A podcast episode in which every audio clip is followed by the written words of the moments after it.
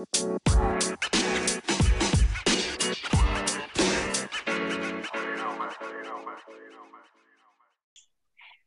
everyone, and welcome back to our podcast. Setelah beberapa minggu berselang setelah post Women Zero sama AFF akhirnya kita kembali lagi.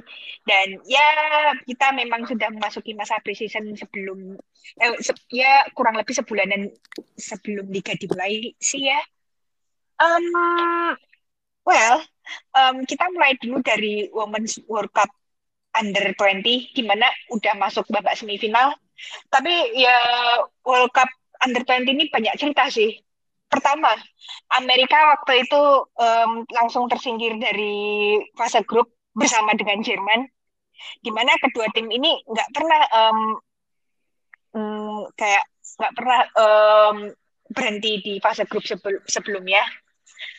Ya, yeah, which is cukup mengejutkan. Gimana Amerika kemarin kalah dari siapa sih? Jepang ya. Tapi yang lebih mengejutkan waktu kalah dari Belanda sih. Ya, dia kan cuma menang cuma satu doang ya. Yang lawan. Ghana. Siapa tuh lawan Ghana kan terus kalah sama si Jepang sama si Belanda. Tapi ini problem juga sih kalau gue lihat. Maksudnya kayak USWNT tuh lebih maksudnya kayak kunciannya cuma Moultrie terus apa yang mau di gitu. Kalau menurut gue ya. Masih kecil. Masih kecil.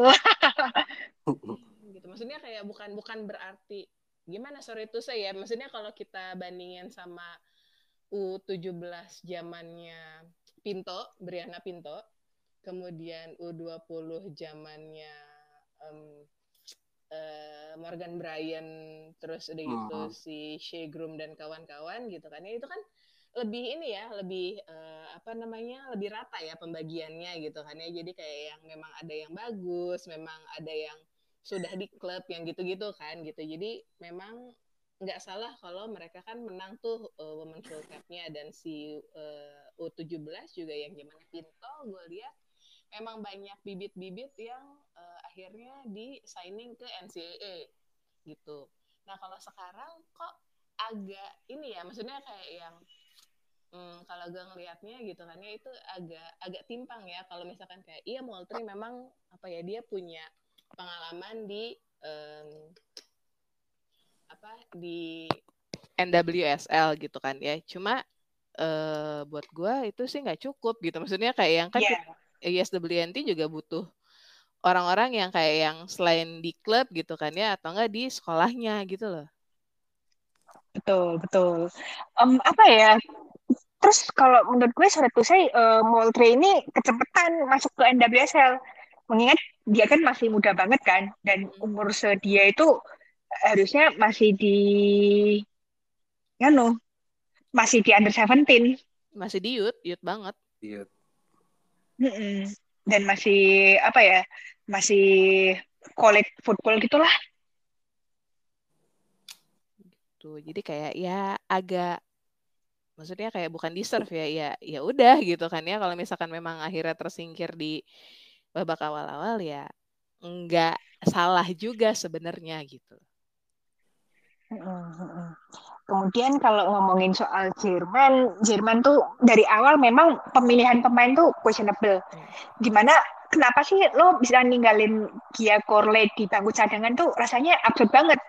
Dan itu kejadian terus kan dari lawan Kolombia, terus habis itu dia baru sapin yang waktu lawan Selandia Baru itu babak kedua kalau nggak salah itu dan itu mengubah permainan banget kan saat dia Corle di sapin tuh kemudian balik lagi yang waktu lawan Meksiko ini adalah puncak komedinya dari pelatihnya under 20 Jerman. Makanya gue nggak ngerti kok bisa bisanya sih gitu. Gue mikirnya kayak gitu selalu. Ya emang skemanya udah kayak gitu. Maksudnya dari pemilihan pemain pun yang aku lihat ya Jerman tuh kayak masih salah-salah gitu kan. Misalnya kayak di belakang gitu kan.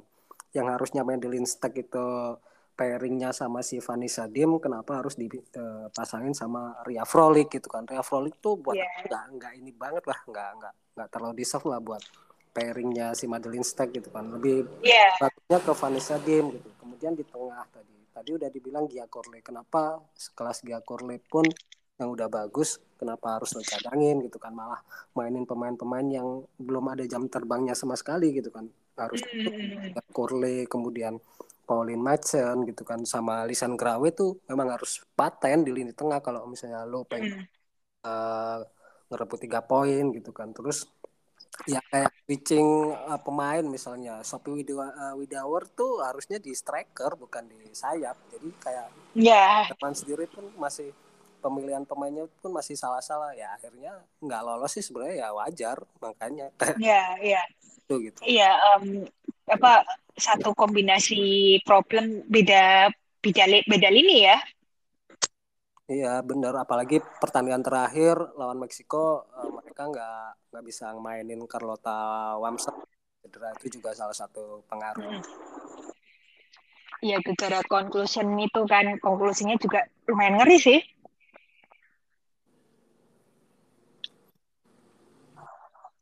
Um, kemudian kemarin yang waktu Meksiko lawan Spanyol itu injury time bukan sih?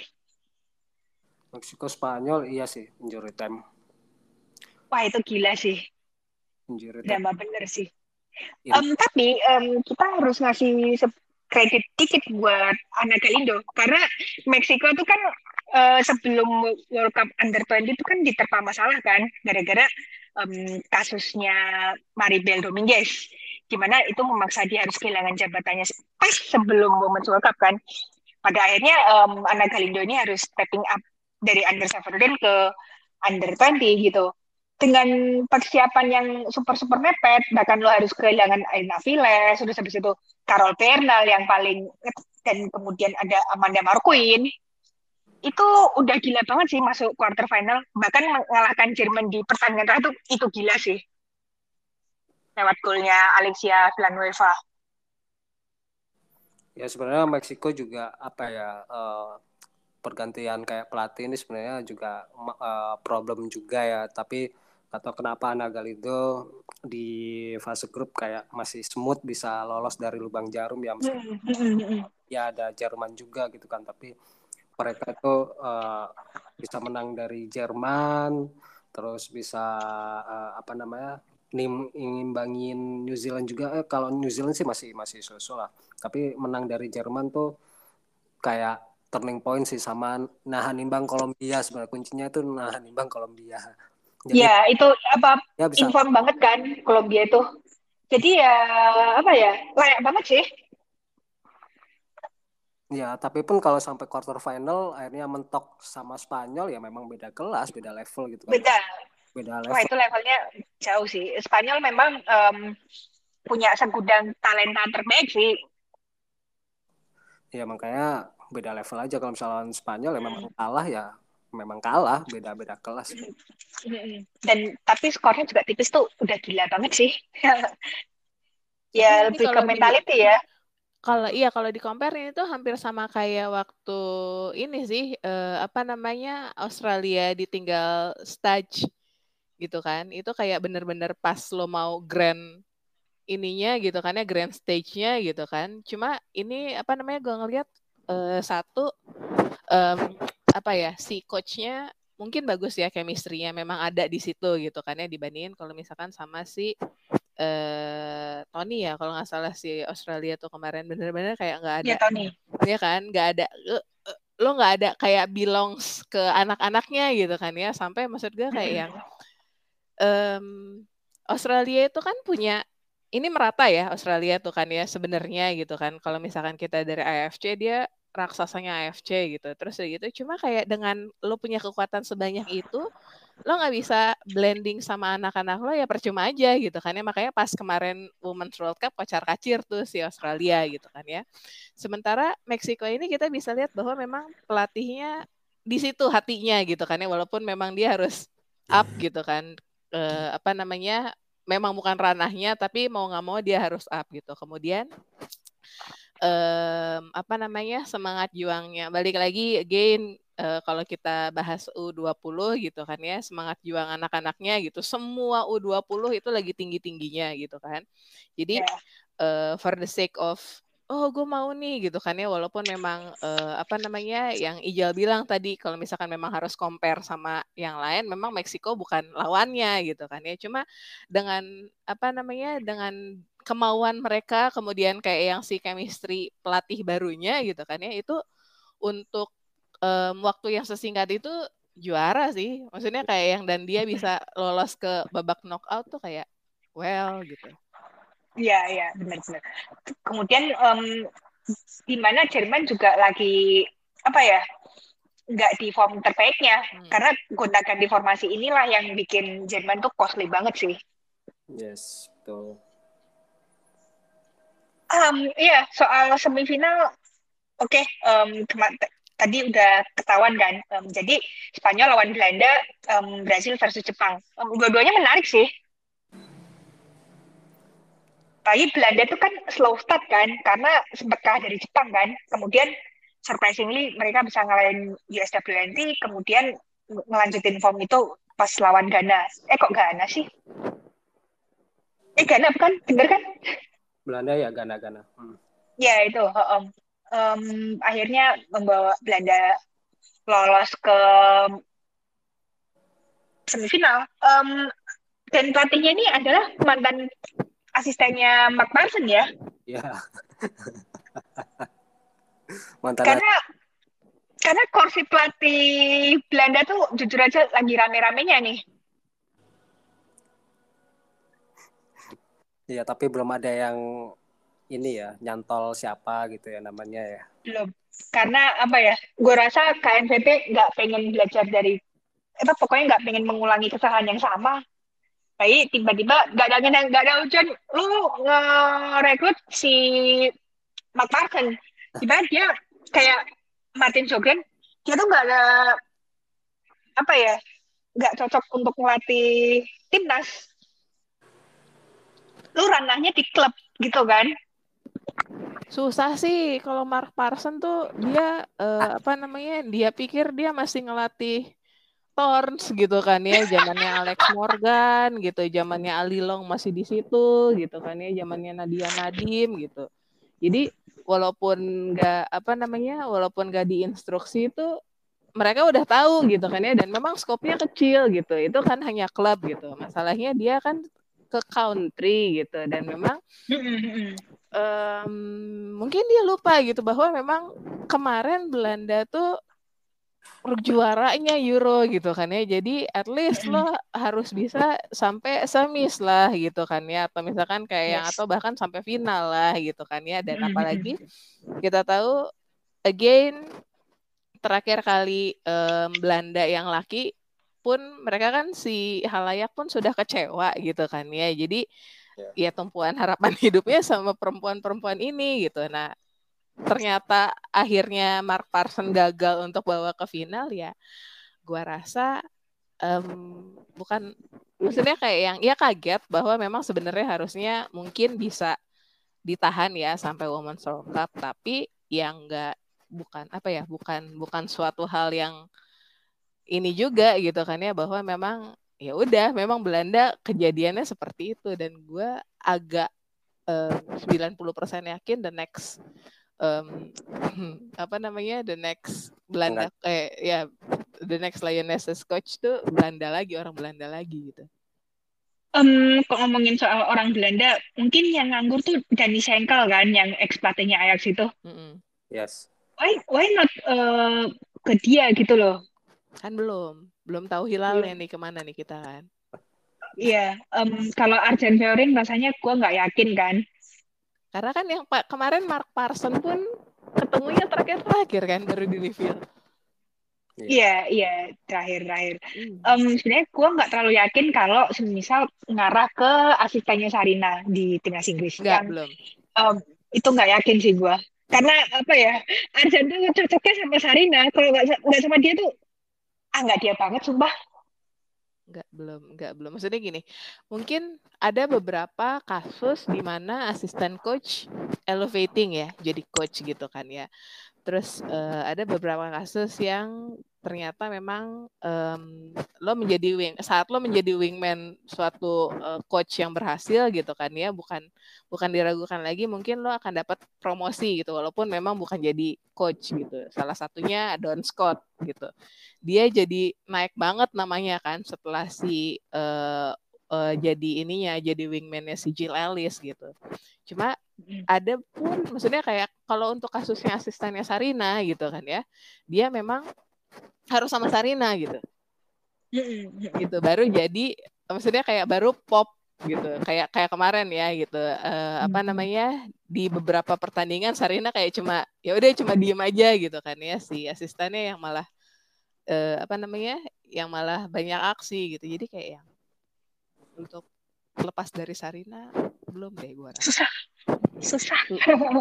Memang harus uh, ya harus memang waktunya ini lepas gitu kan. Jangan jadi bayang-bayang terus hmm. dan menurutku ya Belanda ya itu harus benar-benar orang Belanda sih yang ngelatih Belanda. Karena yeah. yang Belanda itu sekarang adalah gimana cara numbuhin karakter tim kemudian tahu orang-orang Belanda itu seperti apa. Dan orang orang-orang yang tahu Belanda ya ya orang Belanda tahu gitu kan gimana karakternya gimana uh, apa namanya tipe orang-orangnya kemudian skema permainannya kayak apa. Kalau lo lagi nyari pelatih yang di luar Belanda ya kayaknya nasibnya kalau menurutku ya bakal kayak Mark Parson kedua gitu kalau misalnya nyari pelatih dari luar Belanda. Tapi ya yang menurutku ya menurutku paling cocok sekarang ya pelatih Belanda ya orang Belanda sendiri sih entah itu siapa pun ya. Ya karena kita ngelihat ya, maksudnya kayak yang um, dari U20 aja ya gitu kan. Karena U20 ini sangat-sangat cikal bakalnya dari the next um, seniors team gitu kan. Nah si Belanda ini gitu, kalau misalkan kita lihat dari peta kekuatan si U20 uh, Women's World Cup gitu kan ya. Belanda ini negara yang memang sudah terstruktur selain dari um, USA gitu kan ya, yang yang memang punya um, kompetisi berjenjang per umur gitu kan ya. Belanda tuh kan memang youth-nya bagus gitu. Terus dari itu kemudian dipelihara dan tertata. Dari U20 aja kita udah lihat bahwa memang eh, Belanda ini something yang patut diperhitungkan gitu kan ya.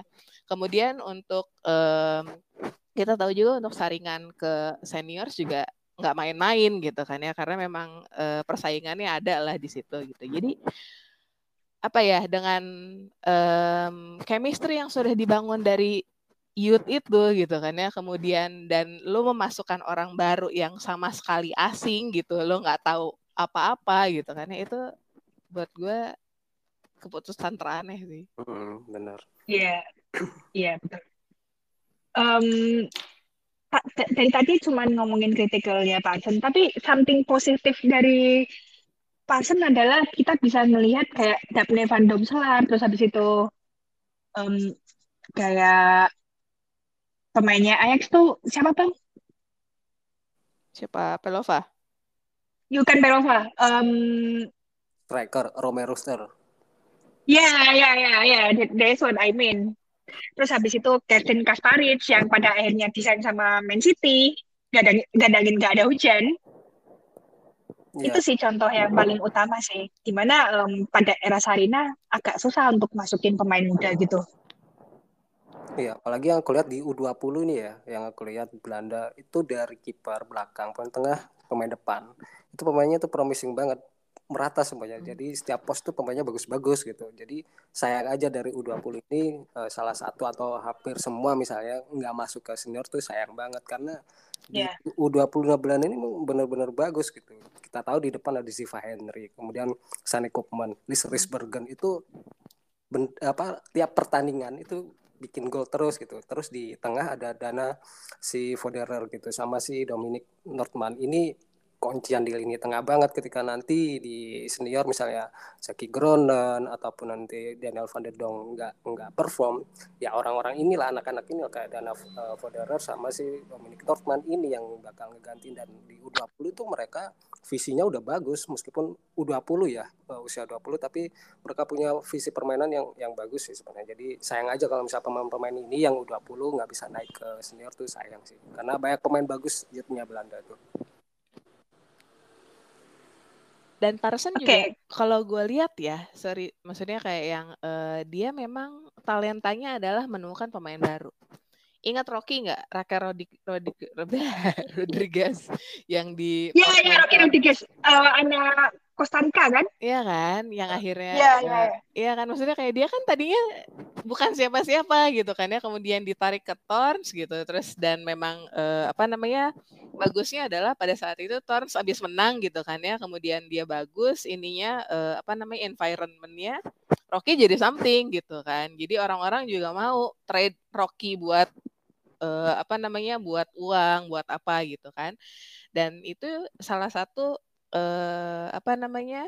bagusnya Parson gitu kan. Jadi um, that's why itu juga apa kita bisa lihat peninggalannya dia di ya fandom solar dan kawan-kawan gitu kan ya. Tapi ternyata balik lagi itu tidak maksudnya kayak tidak menggerakkan hati dari KNVB gitu kan ya karena buat mereka mereka butuhnya adalah menang bukan bukan masalah bibit-bibit karena bibit-bibit mah mereka udah punya di U20 gitu kan nah, jadinya itu sayang sih uh -uh, jadinya kayak yang dan ya mungkin gue ya gue ngerti sih maksudnya kayak kan mereka juga kemarin landing di second place ya untuk Women's World Cup ya gitu jadi kayaknya memang urgensinya buat Women's World Cup makanya si Parson di sack gitu Iya, apalagi kan hmm. bertahan gitu kan. Mereka juga harus punya target tinggi kelas negara Belanda ya, punya sepak bola yang bagus ya. Kalaupun ada yang suatu miss ya, memang benar-benar fatal missnya ya harus dipecat atau dikeluarin karena Belanda ini punya target tinggi dan punya banyak pemain bagus gitu sebenarnya. Well, um, itulah cara kerja sepak bola apa sepak bola perempuan yang sekarang udah mulai lebih ke arah elit kan. Hmm. Kalau tidak sesuai harapan ya udah lu minggir gitu kan yeah. itu sih um, ya tidak jauh berbeda seperti sepak bola putra pada umumnya. Kayak kemarin tuh kalau di sepak bola putra tuh contoh yang paling gampang adalah di Liga MX Varonil di mana um, Clasico Joven namanya kan kalau di Mexico City tuh um, antara klub Amerika lawan Cruz Azul. Jadi Cruz Azul itu dibantai 7-0 ke hmm. belum apa hari Minggu kemarin tuh dari klub Amerika. Dan setelah dibantai 7-0 dari klub Amerika, pelatihnya Azul langsung dipecat. Itu nggak main-main. Iya, jangan kan Ciko gitu kan sepak bola yang cowok misal Chelsea, Real Madrid baru beberapa pertandingan kalah aja udah pecat ganti pelatih, pecat ganti pelatih. Jadi yeah. virus-virus seperti itu sebenarnya udah merasuk ke sepak bola Perempuan. Ketika mereka kalian nggak berprestasi ya ada sesuatu baru yang harus memang benar-benar diganti buat mengatrol prestasi sebenarnya. Ya, itu terjadi pada Everton musim lalu kan. Wah, itu gila banget sih yang di yang kejadian di Everton tuh. Sementara kalau yang kejadian seperti ini tuh kan kalau gagal lo terus dipecat tuh kan baru di timnas kan. Ini kalau di klub ya sudah ada di Everton contohnya. Iya, tapi kan balik lagi kita lihat urgensinya ya gitu kan. Maksudnya kayak again Everton kan bukan klub yang main-main juga gitu. Kita kita bisa lihat bahwa namanya Everton tuh belakangan memang naik banget gitu. Jadi kayak that's why ekspektasinya juga tinggi gitu. Cuma masalahnya adalah kan uh, apa ya, yang kayak gini-gini ini yang dicontoh sama memang um, apa namanya jadi kayak yang tuh kita lihat klub yang ini kalau misalkan memang gagal gitu kan ya langsung pecat gitu kan. Masalahnya kita juga lihat progresnya doang gitu kan ya. Jadi kayak hmm. jangan tiba-tiba baru sekali dua kali main gitu kan ya terus sedikit tuh dipecat padahal lo progresnya udah bagus gitu walaupun memang tidak menghasilkan juara gitu kan ya. Sementara kalau yang kita omongin ini yang kita lagi omongin memang tim-tim yang memang apa ya dia hard gitu kan. Kemudian yang memang sudah elit dan memang apa namanya memang mereka punya agreement tersendiri gitu. Jadinya that's why dia main kayak ya udah sekali dua kali nggak main gitu kan ya. Atau misalkan kayak tujuh kali tidak menghasilkan gol gitu. Atau misalkan tidak atau cuma seri gitu kan. Makanya dia di sack gitu. Jadi memang balik lagi kita lihat ininya sih urgensinya sama memang ininya apa namanya dia bermainnya di mana gitu. Iya betul sekali Um, Oke, okay, speaking soal kembali lagi soal World Cup Under 20 yang udah masuk semifinal ini, kick off itu um, Jumat pagi ya. Ya, pagi-pagi. Ya, mulai setengah enam. Yang kedua berarti jam 9 pagi. Ya, seperti biasanya lah yang jam 9 pagi itu. Um, final berarti hari Senin pagi ya, itu jam 9 pagi juga. Ah ya, habis upacara bendera kan. itu kalau anak sekolah Bandung nonton final Women's World Cup Under 20 cocok. Ya sama jamnya pagi kan jadi enak gitu nggak nggak nunggu Mm-mm. harus begadang atau Mm-mm. apa gitu kan pagi bangun-bangun tahu udah Sarapan, sarapan nonton bola. Ya, itu pada awalnya sarapan terus nonton bola itu bukan gue banget kan. Tapi semenjak Liga MX Femenil ada, gue tahu MX Femenil itu menjadi kebiasaan sih. iya. Em, betul.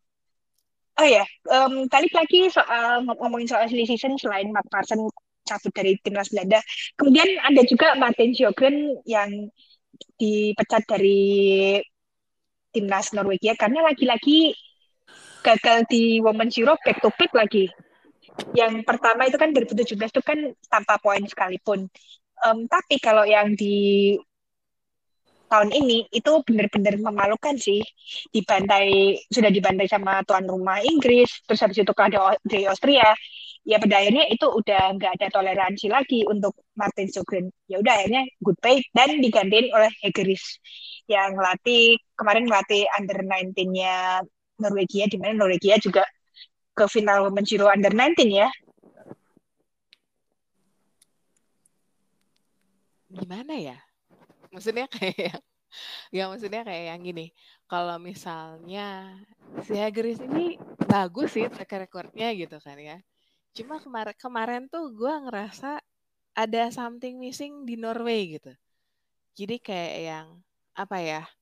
Jadi kayak en- entah memang disuruh, ya maksudnya kayak entah memang taktiknya dari coachnya seperti itu atau apa gitu kan ya. Gue kayak ada ada something missing di apa namanya saat mereka main gitu kan ya. Padahal em, pemainnya pun bukan yang kaleng-kaleng juga gitu kan ya. Nah ini gue nggak tahu salahnya di mana gitu. Nah si Hegeris ini dia untuk pemain-pemain muda mungkin jago gitu kan ya. Maksudnya kayak yang em, sukses lah gitu kan ya. Cuma mm, mm, mm, mm. ya maksudnya kayak semoga aja dia kayak eh, ininya ya gitu ya maksudnya kayak coaching sistemnya dia gitu kan ya. Terus udah gitu memang caranya dia untuk mendekatkan pemain-pemain Norway satu sama lain gitu kan ya. Semoga aja em, apa efektif ya dan efisien gitu kan ya. Karena memang ya sayang sih gitu. Sekarang kita kita gini kita lagi kampanye bahwa semua women's for women's kan gitu kan ya. Kayak yang em, apa namanya lo pakai wasit perempuan pakai coach perempuan gitu kan ya. Nah ini em, suatu sosok gitu kan ya di timnas Norway dia naik gitu kan ya. Semoga aja bisa me apa ya raising the expectation gitu kan ya. Jadi kayak yang kita kita nggak kayak yang apa namanya nggak dicibir lagi gitu bahwa yang tuh kan Norway sama-sama aja gitu kan ya mau perempuan mau laki coachnya gitu kan ya begitu begitu aja gitu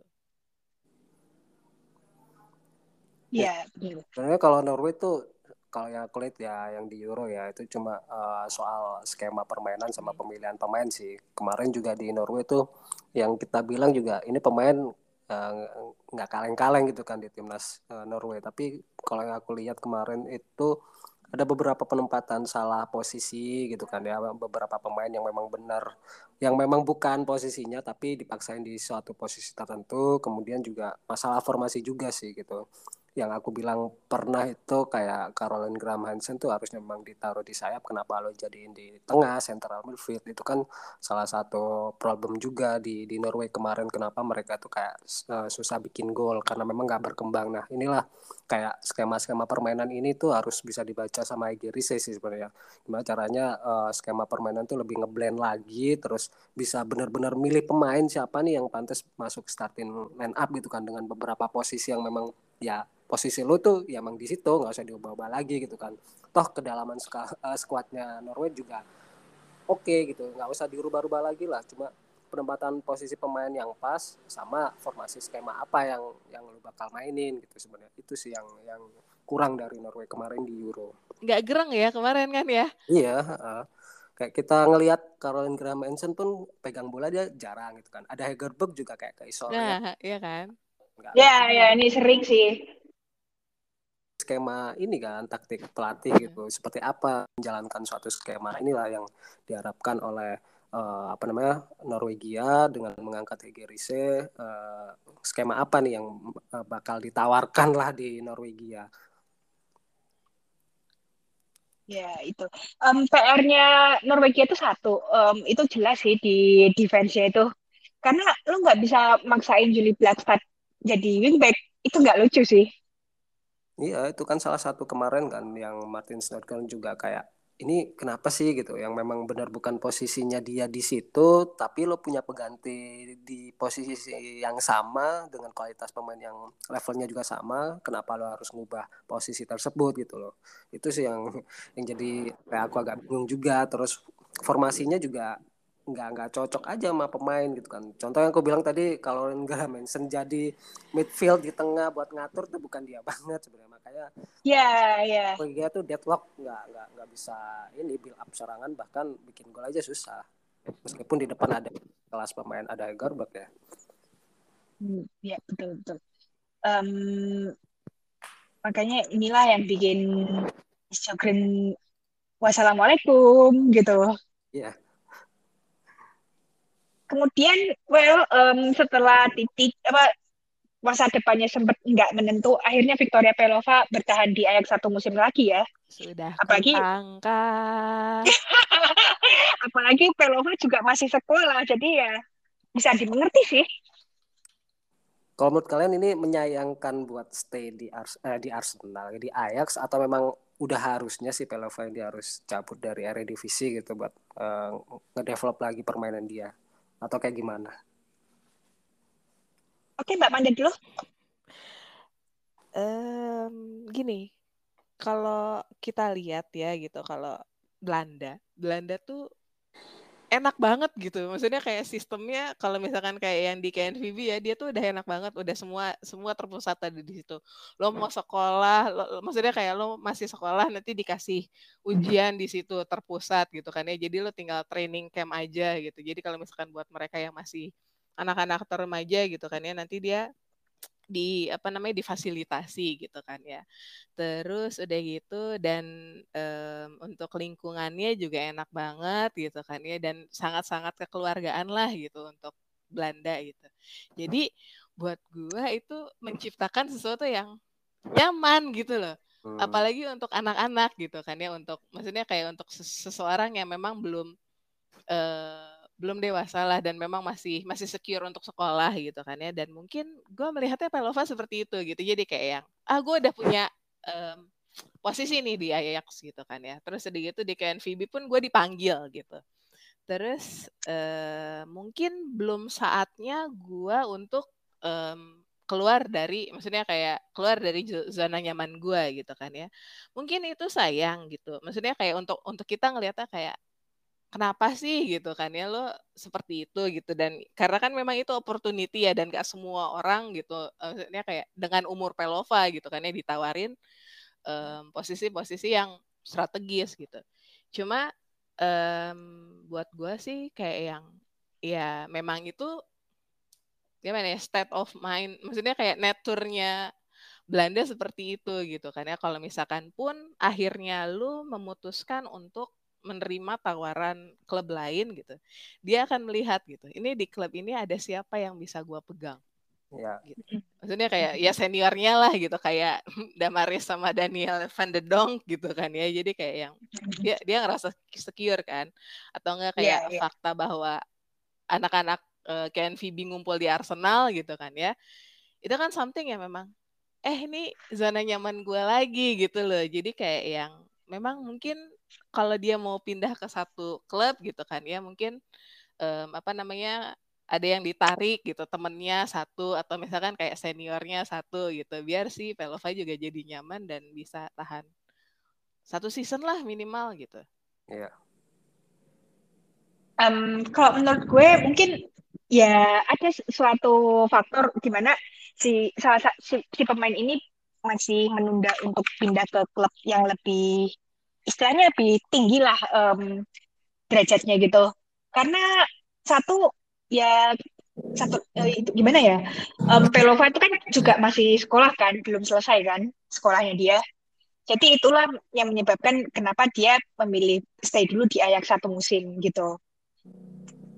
Um, padahal kalau kita lihat mungkin Arsenal bisa-bisa aja untuk mengambil Victoria Pelova kayak dia juga sebenarnya pengen ke Arsenal tapi gue rasa ya kalau misalkan memang Arsenal ngasih all out ya, maksudnya kayak yang ngasih bahwa oke okay, Pelova main sama kita gitu kan ya, tapi nanti um, ujiannya atau apa kita yang ngurusin gitu kan ya, itu mungkin nggak masalah ya buat Pelova gitu. Tapi masalahnya yeah, adalah yeah. sekarang kan gini, kita lihat um, Caitlin Ford, Caitlin Ford juga di Arsenal kan. Iya. Kemarin dia baru selesai um, sekolah juga di Universitas Terbuka kalau nggak salah gitu kan ya, dan dia um, apa ya ujian secara mandiri gitu. Maksudnya kayak yang lo kalau nggak kuliah sendiri ya lo nggak akan kuliah gitu sebenarnya. Jadi mungkin apa ya mungkin kalau misalkan klub menawarkan suatu um, privilege seperti itu untuk Pelova mungkin bisa pergi juga ya dia. Iya nggak sih? Maksudnya kayak yeah, gue sih yeah. gitu.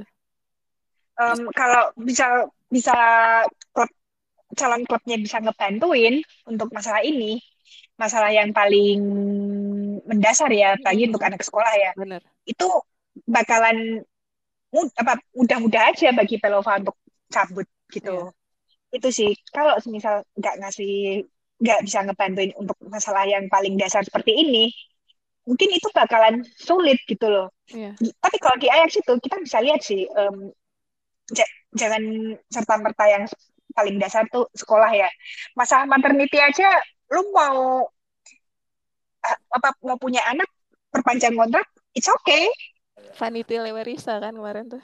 Kayak begitu. Di Ajax. Oh, enggak Vanity ke Vanity Lewerisa tuh kan um, waktu itu kena cancer kan yang waktu pensiun itu. Um, oh, iya, iya, si siapa iya, tuh? iya. Santal Grider. Inget nggak? Iya iya benar benar benar. Santal Grider uh -huh. itu kan dia perpanjang kontrak terus habis itu maternity leave dulu itu yeah, yeah. yang itu eh, yang sedasar itu aja didukung sama Ajax benar, apalagi in terms of lo masih sekolah Iya, makanya, makanya kayak jangan jangan kaget. Ya jangan kaget kalau Pelova masih pengen stay dulu.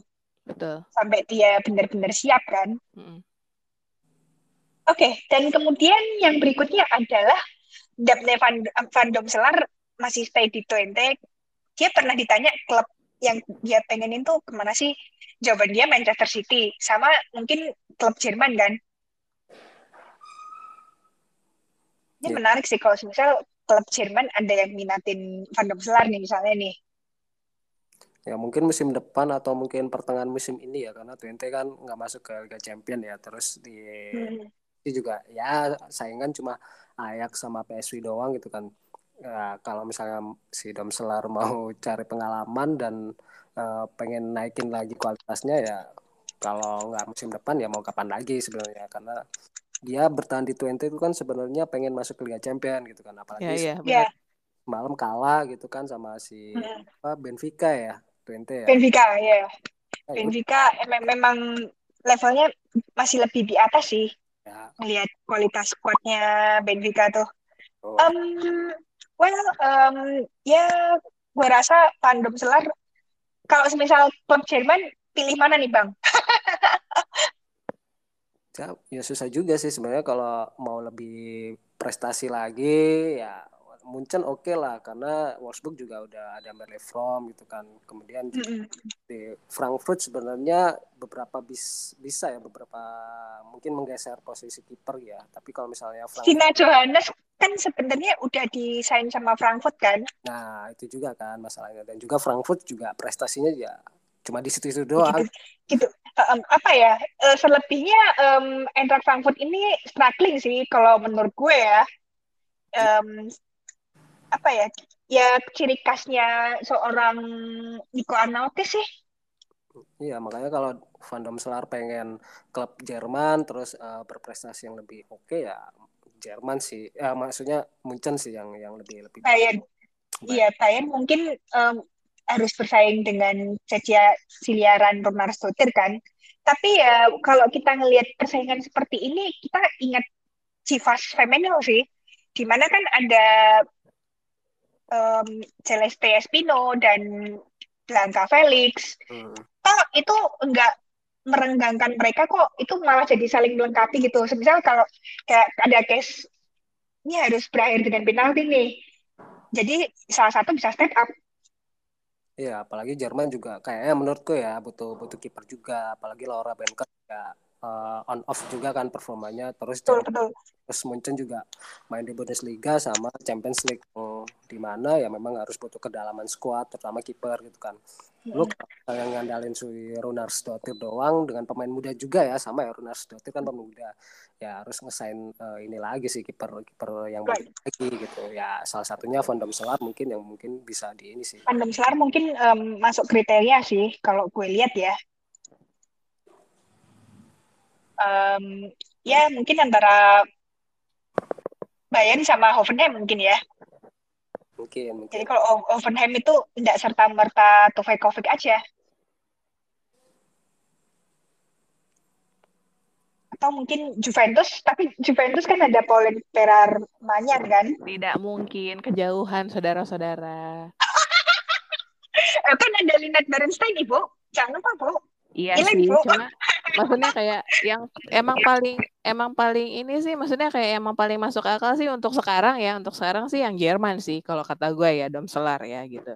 Untuk Juventus kan gini kalau Linet itu dia tipenya tipe um, apa namanya mau Iya mau gitu kan ya untuk menjalani sesuatu yang baru benar-benar kayak yang lingkungan baru buat dia gitu kan ya. Jadi kayak orang-orang juga agak kaget sih bahwa misalkan kayak dia signing sama Juventus yang mana Juventus akhirnya gitu kan ya dapat gede banget kayak ketiban rejeki gitu kan ya dapat lihat yeah. gitu.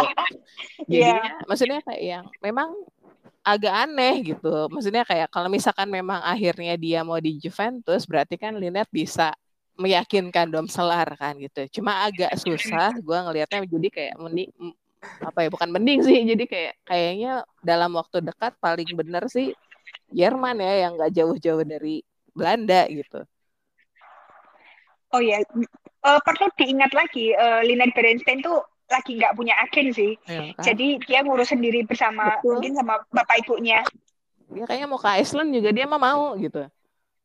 Iya, karena dia mungkin masih merasa independen. Ya kalau um, the marketing jersey mau nyari klien lagi, bisa lah um, Linet Bernstein.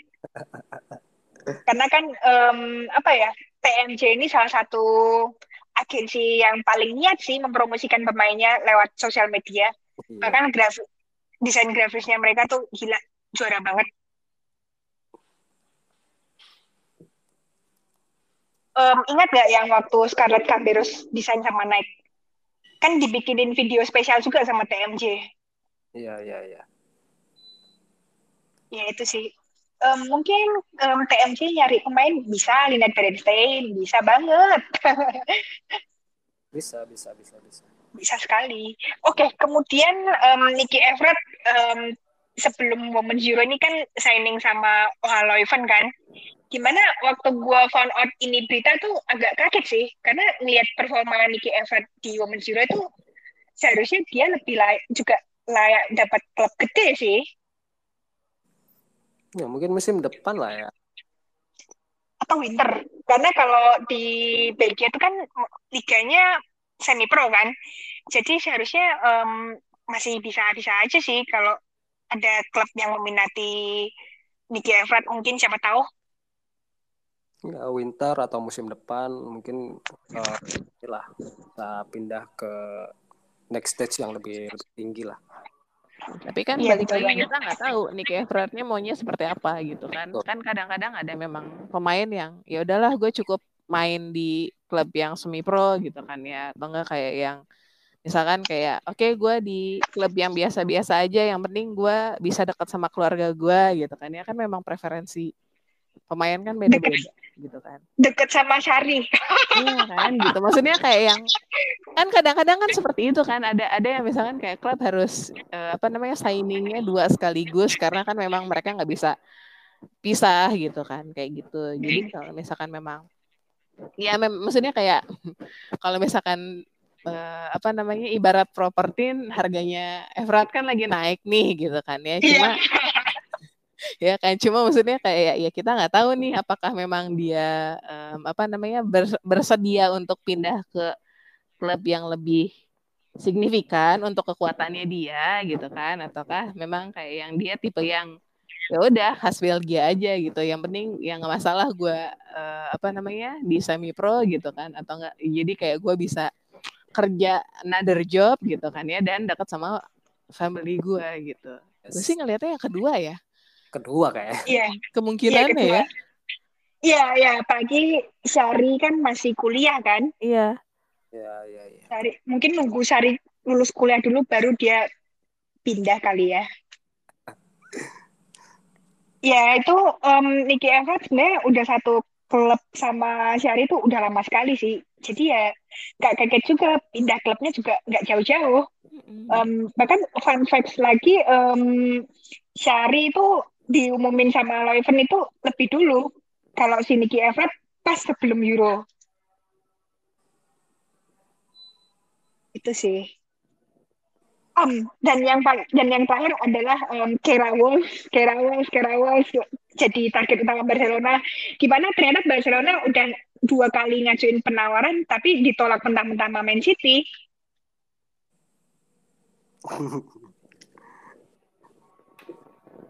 ya mungkin lagi dibutuhin juga di Man City sebenarnya um, dan bahkan um, apa ya Barca itu udah siap ngajuin penawaran ketiga sih kalau menurut Diario Sport. Apalagi yang ngomong ini Miki Soria sama Maria Tikas kan. Biasanya Maria Tikas sama Miki Soria ini jarang nggak valid gitu loh. Siti tuh kadang-kadang kalau lagi Nora, Nora deh benci gue. Maksudnya kayak yang kan dia udah bertabur bintang-bintang ya Manchester City itu gitu kan. Kan kadang-kadang maksudnya kayak kita ngelihatnya gitu kan bahwa memang uh, apa uh, si Kira Walls kan kayak ya butuh kesempatan lain gitu kan ya. Dan memang suatu yang bagus gitu kenapa harus didinai gitu. Cuma kita nggak tahu nih keputusan maksudnya kayak City tuh sebenarnya pengennya apa? Kayak kemarin kan dia kayak yang ngambil um, apa atlet-atlet USA dan jarang dipakai gitu kan. Itu kan sesuatu yang keputusan aneh juga gitu mentang-mentang dia sultan ya, kan gitu kan. Iya iya iya. Um, itu dosa paling besar kak Gareth Taylor tuh nggak pernah mainin Rose Lavelle padahal kebayang nggak kalau Rose Lavelle main itu mungkin kalau sering dimainin Chelsea bisa kecet-kecet tuh Makanya gitu. Jadi kayak yang kayak ini ada bid keempat kelima gue rasa gitu kalau misalkan memang kayak gini lagi gitu. Karena memang suatu ke apa ya? Salah satu klub yang melakukan ketidak masuk akalan hidup adalah Manchester City gitu. Udah itu aja gue mah. Iya iya iya. Um, apa ya? Gue melihat um, City ini rekrutannya kan pemain bintang semua nih. Di mana kita akan bahas soal transfer window ini pada episode berikutnya. Tapi apakah Gareth Taylor bisa memakai semua signing ini? Tentu gimana tidak. mereka semua juga gimana mereka semua pemain bagus-bagus? Masa sih masih British centris, Bro? Tapi kenyataannya kan seperti itu. Iya. Iya. Jadi kas nggak Gareth Taylor juga Nick, Nick Cushing pun juga demikian ya. Hmm. Iya, tapi yang aku lihat ya kenapa Man City nahan banget Kiara Walsh gitu kan. Mereka tahu karena George Steinway kan udah cabut nih. Karena yeah. Kiara Walsh juga kan partnernya kan si George Steinway. Ketika nanti Kiara Walsh cabut juga di Man City juga mereka bakal goyah juga gitu sebenarnya. Kayak semalam aja ngelawan Real Madrid, Man City di lini tengahnya tuh cuma naruh Mary Fowler, Kiara Walsh sama Vicky Losada. Bayangin kalau misalnya Kiara Walsh cabut gitu kan. Lini tengahnya City juga bakal amburadul makanya kayak dia tuh kayak nahan banget gitu kan. Jangan sampai si Kiara Walsh nih cabut ke lain Terus kenapa ke Barcelona itu ngebet banget gitu kan karena ya kita tahu lah Alexia Putellas juga masih dalam masa recovery gitu. Terus tahun kandelin Patrick Guyaro sama Aitana Bonmati pun sebenarnya belum cukup juga di lini tengahnya si Barcelona ya meskipun di situ ada Ingrid Engen juga gitu. Tapi menurutku kalau misalnya Barcelona bisa dapet Keylor ini bakal jadi tambahan yang lebih solid lagi sih di Iya. apa ya ngelihat Barcelona kemarin yang waktu selama Amos Cup itu aneh aja nggak ada Alexia tuh apa ya dynamic di lini tengah tuh kayak nggak ada gue lihat tuh Iya makanya mereka kayak ngebet banget kan ngejar ke Ramos karena penampilan di Euro kemarin bersama si Jorge Snewe kan bagus banget gitu kan. Jadi kalau sampai Ramos masuk ke Barcelona ini jadi tambahan bagus dan mungkin bisa nambal sedikit lah ke, ketidakhadirannya Alexia Putellas ya. Betul. Ini sih yang diharapkan oleh Barcelona tuh ya we will see lah uh, apakah Barcelona akan mengajukan penawaran ketiga dan mencapai kata sepakat. Kita tunggu saja semingguan ini. Ya tapi kalau sampai ke Barcelona gila sih. Keren sih Barcelona lini tengahnya iya betul betul. Betul banget. Um, punya opsi yang lebih baik lah. Um, ya diharapkan bisa menambal ketidakhadiran Alexia. Oh. dan yang berikutnya adalah India ban sama FIFA dan dampaknya adalah ke under 17 Women's World Cup yang um, jaraknya tinggal dua bulan lagi. Ini tuh gila sih. Um, udah kena ban terus habis itu World Cup jadi uncertain lagi under 17 ini. Menurut Mbak gimana sih? Edan, edan, edan. Karena kan gini, bukan masalah apa-apa. Kalau gue lihat sih dari kan si U17 ini kan sempat tertunda kan harusnya kan uh, apa gara-gara Covid kemarin kan. Ya maksudnya kayak ini si U17 ini harusnya sudah di, sudah terselenggara gitu. Cuma karena Covid ini akhirnya dia uh, apa namanya? dia postpone kemudian harusnya di tahun ini gitu.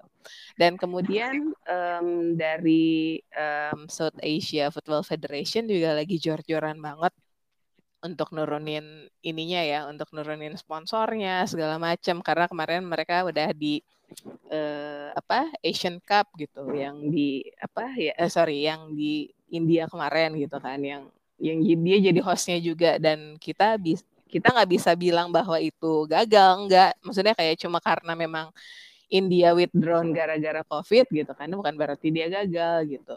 Uh, fakta bahwa si India menggunakan dua kota dan lapangan yang terbesar, maksudnya kayak bagus lah ya gitu di India itu kan salah satu kesungguhan dari um, football India dan South Asia uh, Football Federation gitu kan ya untuk jadi host gitu. Cuma entah kenapa mungkin kayak lucknya tuh bukan di India ya untuk dari 2020 sampai 2022 ini gitu. Jadi kayak yeah. yang udah jatuh ketimpa tangga kesiram air panas gitu kan dari awal memang iya jadi sedih sih karena memang satu pertama yeah. dipospon kan yang si uh, apa Women's World Cup 17 kemudian akhirnya mereka kayak yang withdrawn dari Asian Cup padahal um, persiapannya udah uh, dari empat tahun yang lalu sama um, sama persis pas saat um, Philippines declaring bahwa mereka akan ikut di 2023 kampanye mereka ya Philippines ya. 2023 uh, eh, Women's World Cup. Dan itu jadi contender yang paling inilah gitu kan ya si uh, India dan Philippines ini gitu. Terus udah gitu itu gue pikir kayak udah sampai situ aja gitu. Dan memang di U17 ini dia akan making up semuanya gitu kan ya dengan kesalahan-kesalahan dia yang kemarin dengan uh, dia tidak konsisten dengan bubble sistem bubble segala macem gitu kan ya yeah. dan iya. dengan uh, apa covid lagi naik-naiknya gitu kan gue pikir dia bakal oke okay, gue maksudnya kayak kasihlah kesempatan kedua gitu kan ya terus ternyata di band sama FIFA dengan something yang memang buat gue itu nonsens sih yang di band dengan pihak ketiga tuh kayak yang apa sih gitu loh jadi kayak yang itu sedih sih beneran deh Iya, um, apa ya, lagi-lagi kayak campur tangan politik gitu yeah. kan? Ya, ini seperti yang dialamin oleh negara kita kan? Pernah kan? Iya, iya, iya. Ya. Sebenarnya masalahnya tuh sama gitu kan. Yang aku lihat ya, yeah. uh, India di band itu kan sebenarnya sama gitu kan uh, masalahnya sama kita. Jadi ada faktor politis yang mas, hmm. uh, masuk di situ. Cuma yang jadi underline di sini bahwa si ketua federasinya si siapa? India si AIFF ini kan hmm. si siapa tuh namanya? Prafut Parel kalau kalau siapa itu nggak salah itu namanya.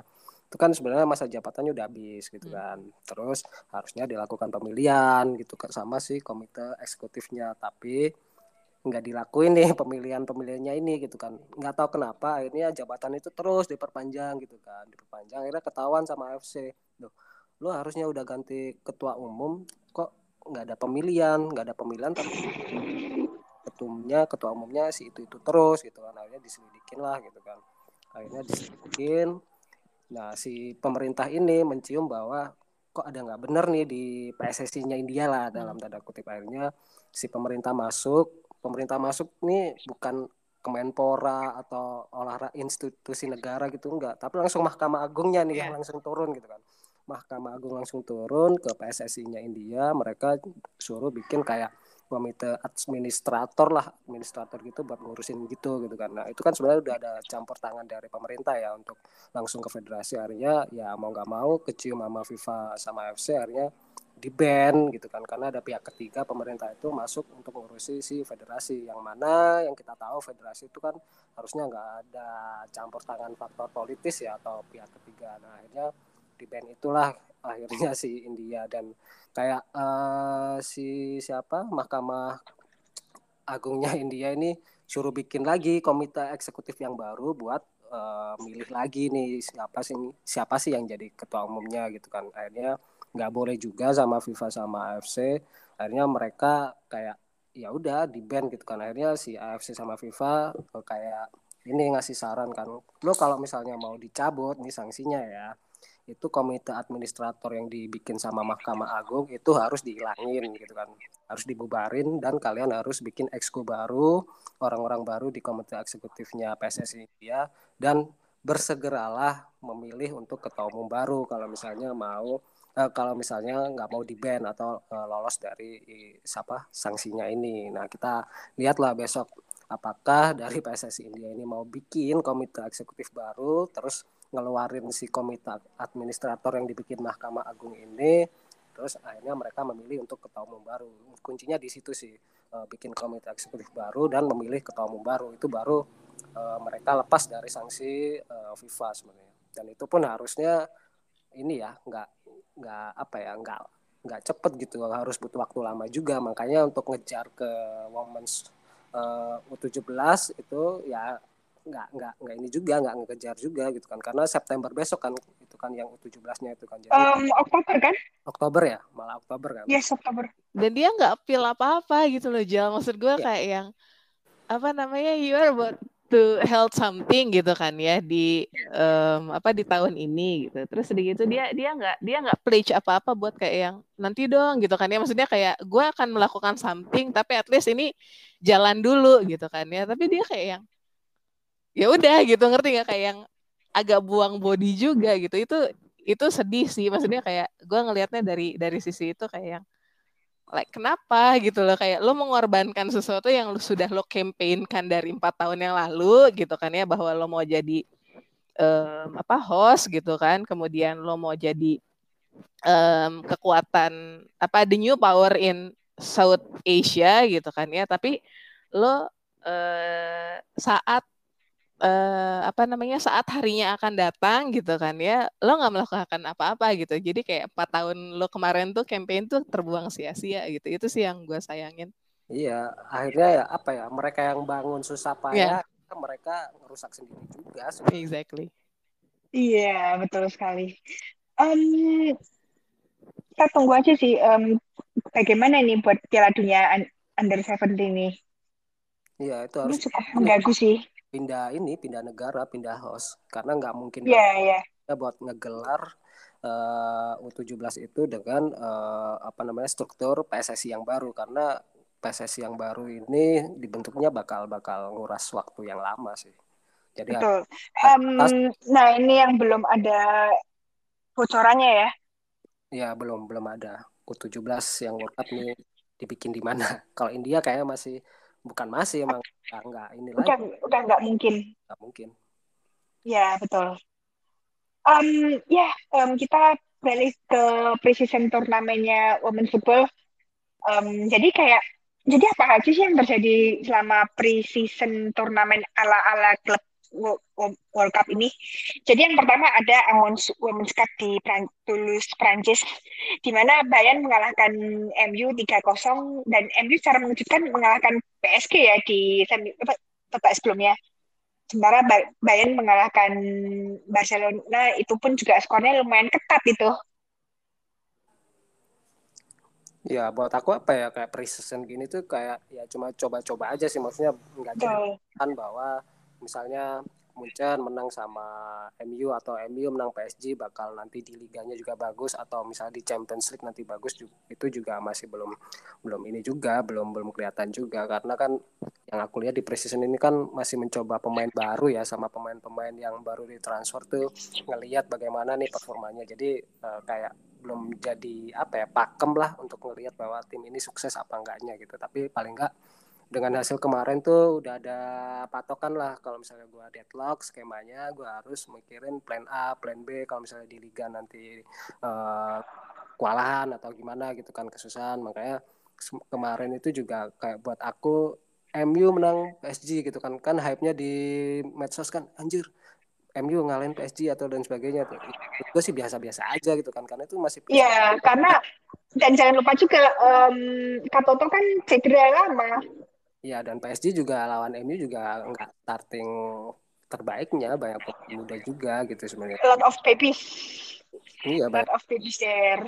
Angin gitu. Pun juga MU yeah. juga banyak pemain yang kemarin main di Euro juga banyak diistirahatin gitu. Tapi masih belum kelihatan lah uh, apa kekuatan yang sebenarnya seperti apa. Tapi at least paling nggak mereka mau mencoba pemain-pemain baru biar kelihatan nih di liga ini pemain ini bakal kontribusi apa enggaknya seperti itu sih um, sampai admin MU ngebanter gitu kan. Kita datang ke sini bukan untuk tulus, tapi to win. itu kocak banget sih. Itu bodoh banget sih, bodoh banget. Iya, iya. We didn't, we didn't dan come here to lose, we come here to win, anjir. Lu bisa banget sih uh, untuk veteran bapak-bapak gitu, Pak tipikal-tipikal admin MU yang bodoh banget itu seperti itu sebenarnya. Iya, tapi lucunya sekarang mengarah ke MU Women ya. Iya, malah merembet ke yang harusnya iya. top cukup di cowok doang gitu kan. Maksudnya yang hal-hal bodohnya gitu. Kenapa merembetnya juga di MU Women ke admin-adminnya juga lagi gitu kan. Jadi ya. Iya. Nggak tahu nih adminnya yang mana nih, gue nggak ngerti nih. Aduh. Aduh. Ya. Akhirnya beda kelas juga akhirnya sama Bayan ya. Bayan juga um, something yang interesting adalah uh, Alexander Frost tuh pakai skema tiga backline. Ya, ya, ya. Itu sih yang poin turning pointnya dari Amos Women's Cup tuh menurut gue itu.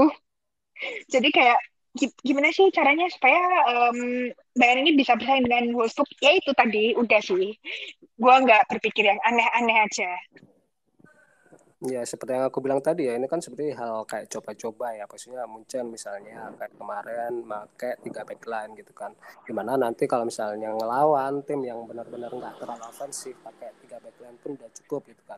Pun nanti kalau mereka ngelawan tim yang lebih offense ya jangan pakai tiga backline gitu. Lo bakal kelar juga gitu bakal diserang habis-habisan. Ya lo harus pakai empat backline. Tapi untuk pakai tiga backline aku ngelihat gimana caranya chemistry antara Hana Glass uh, terus Gladys Perla Vigos Dotir atau Maxiral nih benar-benar disatuin lah ke apa namanya skema permainan gitu kan. Jadi ya itu sebenarnya coba-coba dan sebenarnya opsi yang bagus juga gitu. Ketika nanti Bayern juga akan main di Bundesliga di Champions League juga pun butuh punya plan A plan B yang yang harus dicoba sebenarnya Hmm, ya betul. Kemudian ICC ya, ICC di mana kita tahu Lyon keluar sebagai juaranya, pada akhirnya mereka dapat ICC juga. Um, tapi yang something yang bikin orang banyak shock itu adalah Readas mengalahkan Portland Thorn lewat adu penalti. Itu kocak sih. Um, tapi kalau kita melihat line up-nya Portland Thorn itu mereka nggak formasi terbaik pada saat itu ya Ya, ya. Beda pada waktu lawan Chelsea itu saya Sophia Smith akhirnya main juga tuh orang di ICC itu. Ini bedanya ya Portland kalah juga dari Chelsea gitu kan. um, apa ya Rayadas ini bikin shock kebanyakan orang di dunia ya gara-gara mengalahkan Portland Town kemudian tiba-tiba Alex Godinez mendadak terkenal lagi gara kayak seperti waktu final Apertura ya tapi kemarin ini sih uh, apa namanya Portland Town itu terlalu sombong gitu kan ya dengan bener ya Iya emang emang. Orang kan ada banyak yang bilang kayak gitu kan. Ya emang bener. Kayak kayak dengan dia turunin squad yang kemarin sama Rayadas tuh kayak yang dia pengen mencibir Rayadas sebenarnya gitu kan ya kemarin tuh gitu. Terus ternyata kayak yang ternyata makan omongan sendiri ya. Bener bener bener. Standingnya jadi kebalik gitu kayak yang jadi Rayadas yang bibir dia kayak yang mampus lu gitu gue ngeliatnya. Iya kayak Bu, Bu Eva SPO yang dengan kita tahu squad uh, Rayadas itu apa ya source-nya masih cukup limit ya untuk ukuran IKMX dibanding Tigres sama klub Amerika itu ini termasuk yang paling minim untuk kedalaman skuadnya apalagi ditinggal sama striker seniornya di Siremon Sivas kan. Otomatis Christina Burgenrod itu mendadak harus jadi finisher gimana menurut gue itu bukan hurting banget. Ya tapi kan bukan berarti jadi maksud gue kayak yang bukan berarti jadi Portland Thorns nurunin ability-nya dong gitu kan ya. Berarti kan yeah, yeah, itu sebenarnya itu ofensif kan gitu. Jadi kayak hmm. yang kita bisa lihat bahwa uh, apa namanya itu salah satu kearoganan dari klub Amerika tuh ya seperti itu gitu kan ya. Saat lo tahu bahwa lo bermain dengan seseorang atau satu klub yang memang lebih di bawah lo gitu kan ya dia kayak nurunin kayak ah ya udah gitu. Gue pakai yang ini aja gitu. Tapi ternyata ternyata kita kan nggak bisa segitu aja meremehkan Rayadas gitu loh. Iya iya betul betul. Pelajaran um, tuh mampus. iya betul. Um, apa ya? Se parah parahnya Spurs juga nggak kayak gini juga sih ya. Iya. Yang waktu lawan waktu kalah lawan klub Amerika itu. And then yang ngomongin soal Women's Cup ini, nah yang juara adalah All Rain kan, di mana All Rain mengalahkan Racing Louisville. Tapi ada sesuatu yang lebih menarik lagi sih dari Women's Cup itu, di mana klub Amerika dua kali bikin shock um, klub Eropa, di mana pertama Spurs dulu kan, Spurs kalah juga kalah tipis pada saat itu 2-1 dari klub Amerika. Kemudian Amerika ini kan kalah dari All Rain kan, dan itu juga tipis kan. Dan yang perebutan tempat ketiga itu mereka juga mengalahkan AC Milan dengan skor 5-4 itu dramatis banget sih. Copa Amerika itu. Tapi Orin um, ini ya ternyata maksudnya kayak yang again kan sebenarnya dia tidak di NWSL sendiri kan dia tidak diunggulkan ya gitu kan tapi ternyata ternyata ISIS itu jadi naik ya namanya maksudnya kayak something yang oke okay, gini gue tahu orang itu kan something tapi di tahun-tahun sebelumnya gitu kan ya. Yeah. Yang zamannya mereka masih jadi Seattle Rain gitu. Cuma yes. uh, ya kan ke sini ke sini kan kayak yang dia bukan bukan satu klub yang diunggulkan gitu. Tapi dengan dia menjuarai kemarin gitu kan ya. Orang-orang jadi kayak weh ngelihat lagi gitu bahwa ternyata kayak kita melupakan di situ ternyata ada Megan Ravino gitu kan. Terus gitu di situ ada Jessica Vislock terus udah gitu ada senior Lauren Barnes gitu kan. Jadi kayak hey jangan lupa mereka juga legend gitu. Jadi kayak iya iya betul, betul. gitu. Kita juga kayak yang ya berarti kan kita nggak bisa, gak bisa ngeliat sebelah mata kan gitu betul. Kemudian ada racing star Sierra King kan yang lagi hmm, yang lagi hot formnya sama, dia. hmm, gitu kan. Jadi um, kemudian in love apa lagi in love kemudian lagi on fire juga. Betul. Tidak ada yang lebih ideal selain Ciara King. Tidak ada yang lebih lebih. Ya, baiklah. Um, ya, um, kalau melihat pencapaian IGMX selama Summer Friend di sini juga terbilang oke okay sih. Selain yang gue sebutin tadi, um, ya um, Tigres kan kemarin habis partnership sama Angel City kan Nah, mereka juga main close game. Kemudian begitu babak kedua, Carmelina Moscato nge out Nancy Antonio di mana salah satu pemain tengah terbaiknya. Ya, meskipun kalah tipis, tapi ya apa ya, di mana-mana pertandingan liga itu jauh lebih penting sih. Makanya kenapa ada beberapa yang harus dikorbankan gitu loh. Ya dan juga apa ya kayak turnamen kayak gini misalnya kayak klub Meksiko, Rayadas atau Amerika diundang kayak gini kan naikin exposure Liga MX juga kan. Betul. Betul. Oh ada klub bagus juga loh dan jangan dianggap enteng gitu dan pemainnya juga berkualitas hmm. juga. Jadi sebenarnya hmm. menang ataupun kalah tapi yang kemarin dengan uh, Amerika ataupun Rayadas dengan hasil yang cukup oke okay lah ya di turnamen precisionnya yang mereka di Amerika itu sebenarnya cukup cukup oke okay lah gitu cukup bisa naikin ke Liga MX sebenarnya. Betul. Um, apa ya? Jadi orang nggak cuma tahu Tigres saja sih. Selama ini kan orang di luar Meksiko itu kan pasti taunya Tigres kan. Iya. Um, sekarang nggak cuma Tigres, ternyata ada klub Amerika, ada Chivas, ada kok mungkin tahu Solos ya Solos tuh juga barusan taken partnership sama um, SD Wave San Diego yeah. itu juga turning point menarik sih apalagi um, Solos ini di Liga Meksiko juga terkenal suka bikin kejutan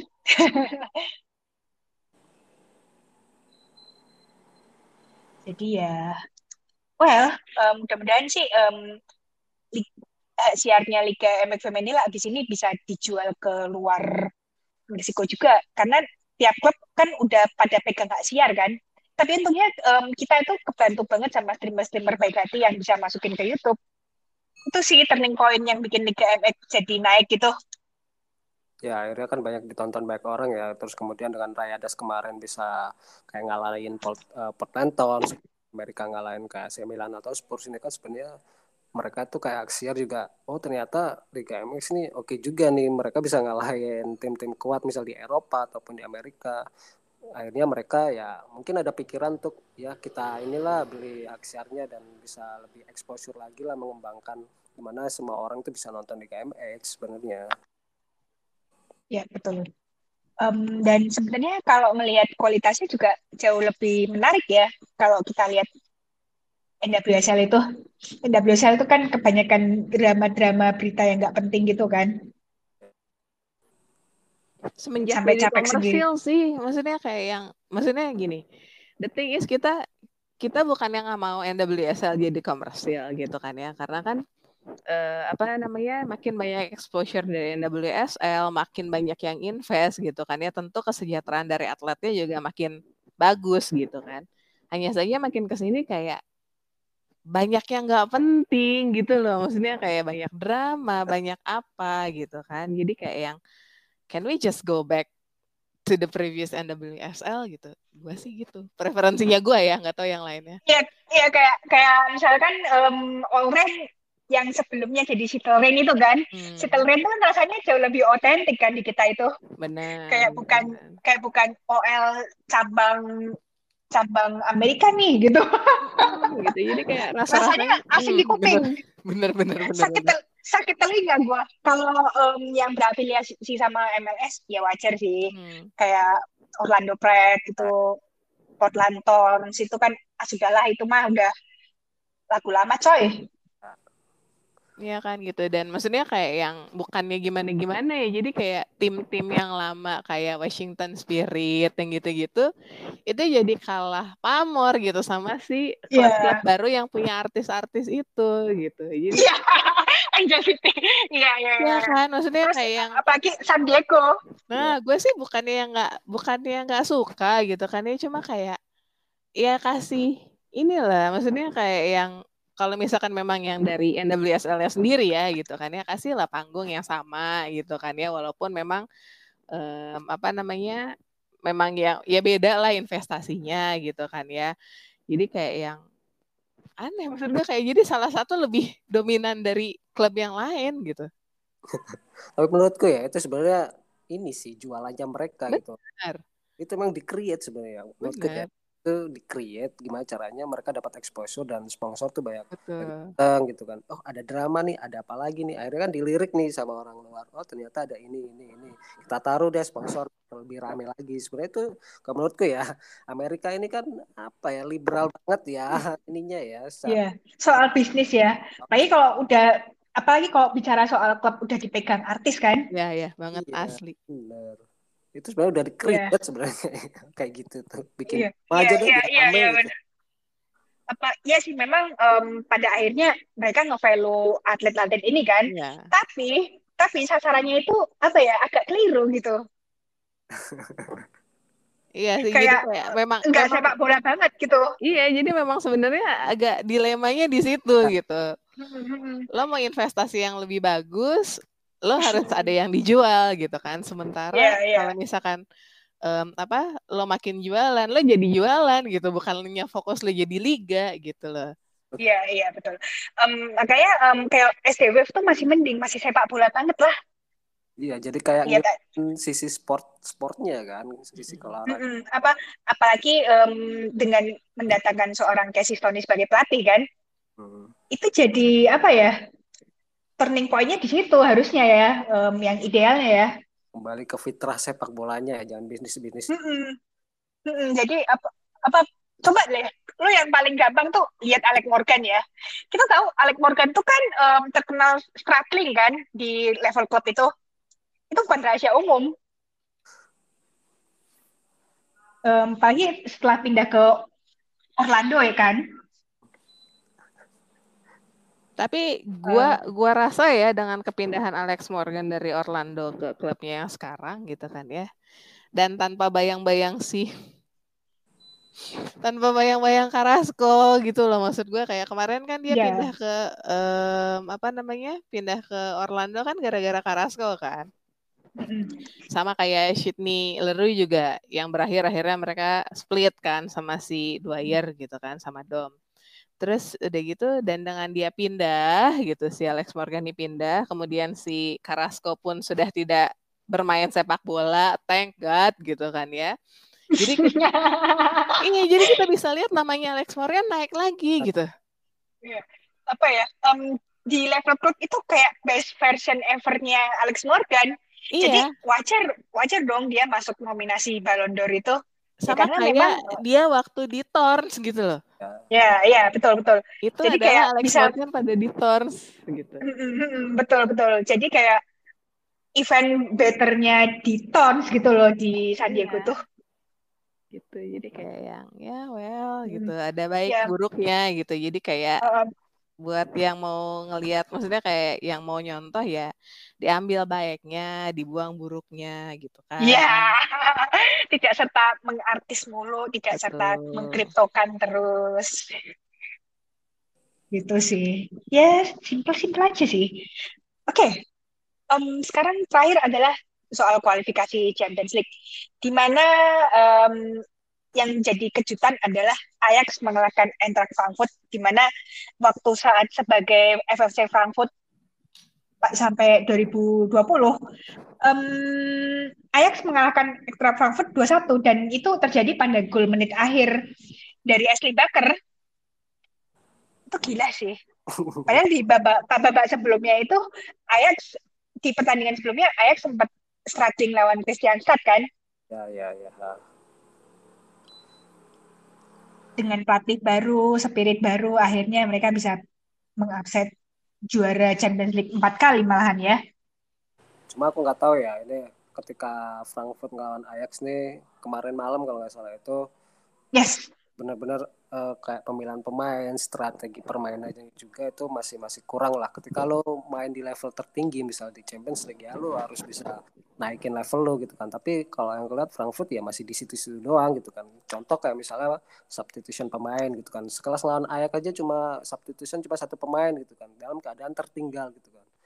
Ketika lo udah dalam keadaan tertinggal ya, yo har- lo harus bikin satu perubahan lah, misalnya substitution berapa pemain gitu kan, memang benar-benar nggak nggak perform, tapi cuma kemarin tuh eh, substitution satu pemain ya emang emang cukup gitu. Terus Ajax yang aku lihat juga ini lebih apa ya, lebih kompak dan lebih jeli sih ngelihat eh, membaca permainan gimana kita, eh, maksudnya si Ajax sudah eh, di apa namanya di posisi satu-satu itu kan. Karena kesalahan juga kipernya si Ajax Lizekop gitu kan yang yang Iya. bola, akhirnya Frankfurt bisa bikin gol. Mereka tuh langsung kayak ngerubah uh, sistem permainannya gimana mereka lebih memasukkan banyak midfield yang main lebih false nine ya. False nine dalam artian cuma uh, naruh satu striker tapi naruh gelandang-gelandang kreatif yang bisa bikin gol. Dan itu ya terjadi ke si siapa SD Baker gitu kan. Kemudian kayak naruh Nadine Nordam, Soraya Verhoeven, kemudian juga Tini Hoekstra itu sebenarnya kayak game changernya Ajax kemarin gimana caranya kayak ngalahin Frankfurt gitu dan juga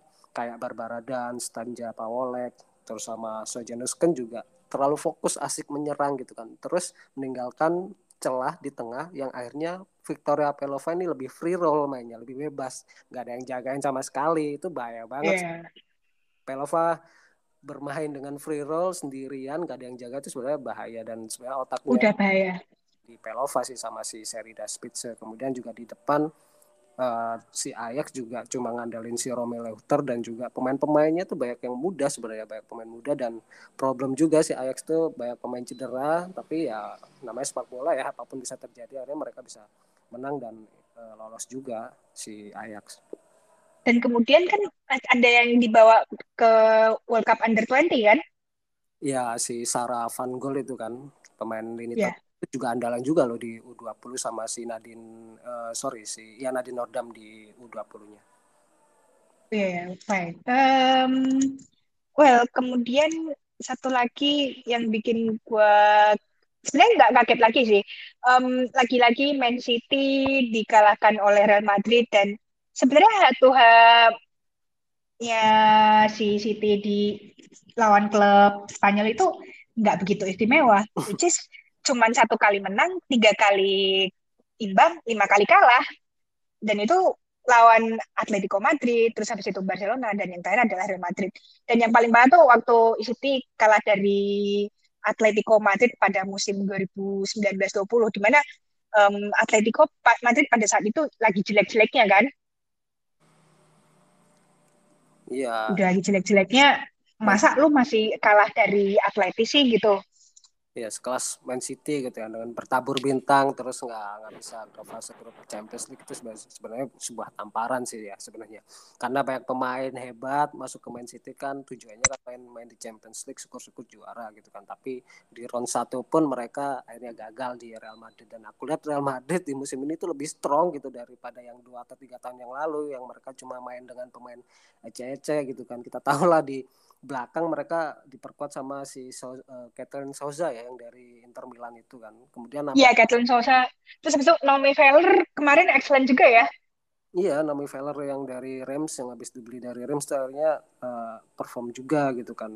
Terus juga si Sandi Toletti yang dari Levante akhirnya memperkokoh lini tengahnya gitu kan dengan Caroline Ware ya tentunya ini sebenarnya uh, Real Madrid musim ini tuh lebih strong dan mereka mikir ya masa Liga Spanyol dikuasain Barcelona mulu Barcelona mulu? Ya kita harus unjuk gigi dong gitu kan. Sekelas Real Madrid yang yang cowoknya aja bagus masa kita tim ceweknya cuma segini-segini doang gitu kan. Akhirnya mereka menambah beberapa pemain ya yang menurutku cukup matang dan ini ya cukup mengangkat levelnya Real Madrid musim ini. Jadi jangan pernah bilang bahwa Real Madrid cuma tim baru kemarin sore. Jangan bilang gitu juga karena memang nggak, uh, nggak bisa. kekuatan musim ini tuh ini banget lebih lebih lebih strong banget. Dan Man City ya balik lagi ya. Ini pema uh, klub yang dengan banyak pemain tapi balik lagi entah itu pelatihnya yang bleeh atau gimana tapi tetap nggak perform juga gitu yang dengan pemain-pemain yang bagus gitu. Jadi kemarin juga uh, semalam kalau nggak salah itu yang kalah dari Real Madrid tuh kayak nambah pemain Laya Alexandri ataupun Nela UHB pun nggak cukup juga untuk membantu City. Um, sebetulnya apa ya? Um, Laya Alexandri dan Lea Wahab itu wasted sih. Lu ngapain sih beli pemain kayak mereka udah turun berok, lu masih kekeh buat ngambil mereka. Kalau Dina sih gue rasa masih udah right decision dan bahkan um, Kastarit yang nggak starting over mereka pun gue agak aneh udahan. Iya harusnya kayak Christian Katvaris tuh harusnya dikasih tempat sih maksudnya dikasih menit bermain daripada Leia Wahabi dan aku ngelihat juga semalam tuh ya baru babak kedua udah mau mulai nih Leia Wabi tuh udah ditarik diganti sama Demis Stok jadi kan ketahuan nih pemain ini nggak bagus gitu kan. Kemudian Leia Iya iya. Leia Alexandri juga di menit 70 kalau nggak salah tuh kayak udah keteteran diganti akhirnya step U-turn akhirnya masuk kan. Akhirnya bisa lagi lah memperkokoh ini belakangnya si siapa Man City gitu. Jadi kayak pemain-pemain gini tuh penambahannya masih masih belum mengangkat si ini banget si Man City banget gitu kan. Meskipun di tengah ada Mary Fowler, Kerry Ross sama si Vicky Losada tapi juga belum belum tentu ini juga sih ngangkat juga. Meskipun di depan ada Bunisau kalau Kelly Lauren Ham pun nggak cukup juga. Akhirnya Bunisau ditarik digantiin sama si Diana Castellanos ya. Nggak cukup juga gitu. Tapi menurutku di sini balik lagi ya soal pelatih sih. Skemanya yang di City uh, si Gareth Taylor menurutku masih masih belum belum apa ya belum tune in lah buat meramu gimana main City ini. Sebagai uh, sebuah sebagai tim yang kuat dengan pemain-pemain ini bintangnya gitu sebenarnya. Iya, karena gue juga ngelihat bahwa pada akhirnya yang working itu gitu kan ya, itu tim tim di OG-nya Manchester City gitu. Yang kemarin lo apa yang kemarin lo beli itu sama sekali yang belum apa ya chemistry-nya belum dapat gitu lah begitu begitu Steve Hutton masuk gitu yang mana harusnya Steve Hutton ya come on gitu kan ya sudah berumur gitu kan itu malah lebih berhasil gitu loh untuk ini gitu untuk strategi ke depannya gitu. Jadi kayak something yang memang ya udah lalu stop pembelian yang tidak useful gitu kan ya. Kemudian mari canangkan yang memang strategi-strategi baru yang akan lebih menginikan duit lu gitu kan ya. Jangan karena lu sultan terus lu beliin semuanya gitu loh. Iya. Kalau Mary, Mary Fowler tuh rasanya um, sesuatu yang promising kan. Tapi kalau yang dua pick yang tadi gue sebutin ini, ini agak aneh sih. Kenapa bisa diambil sama City kan? Iya, berarti kan nggak working kan sebenarnya. Betul, gitu. Jadi kayak betul. Yang...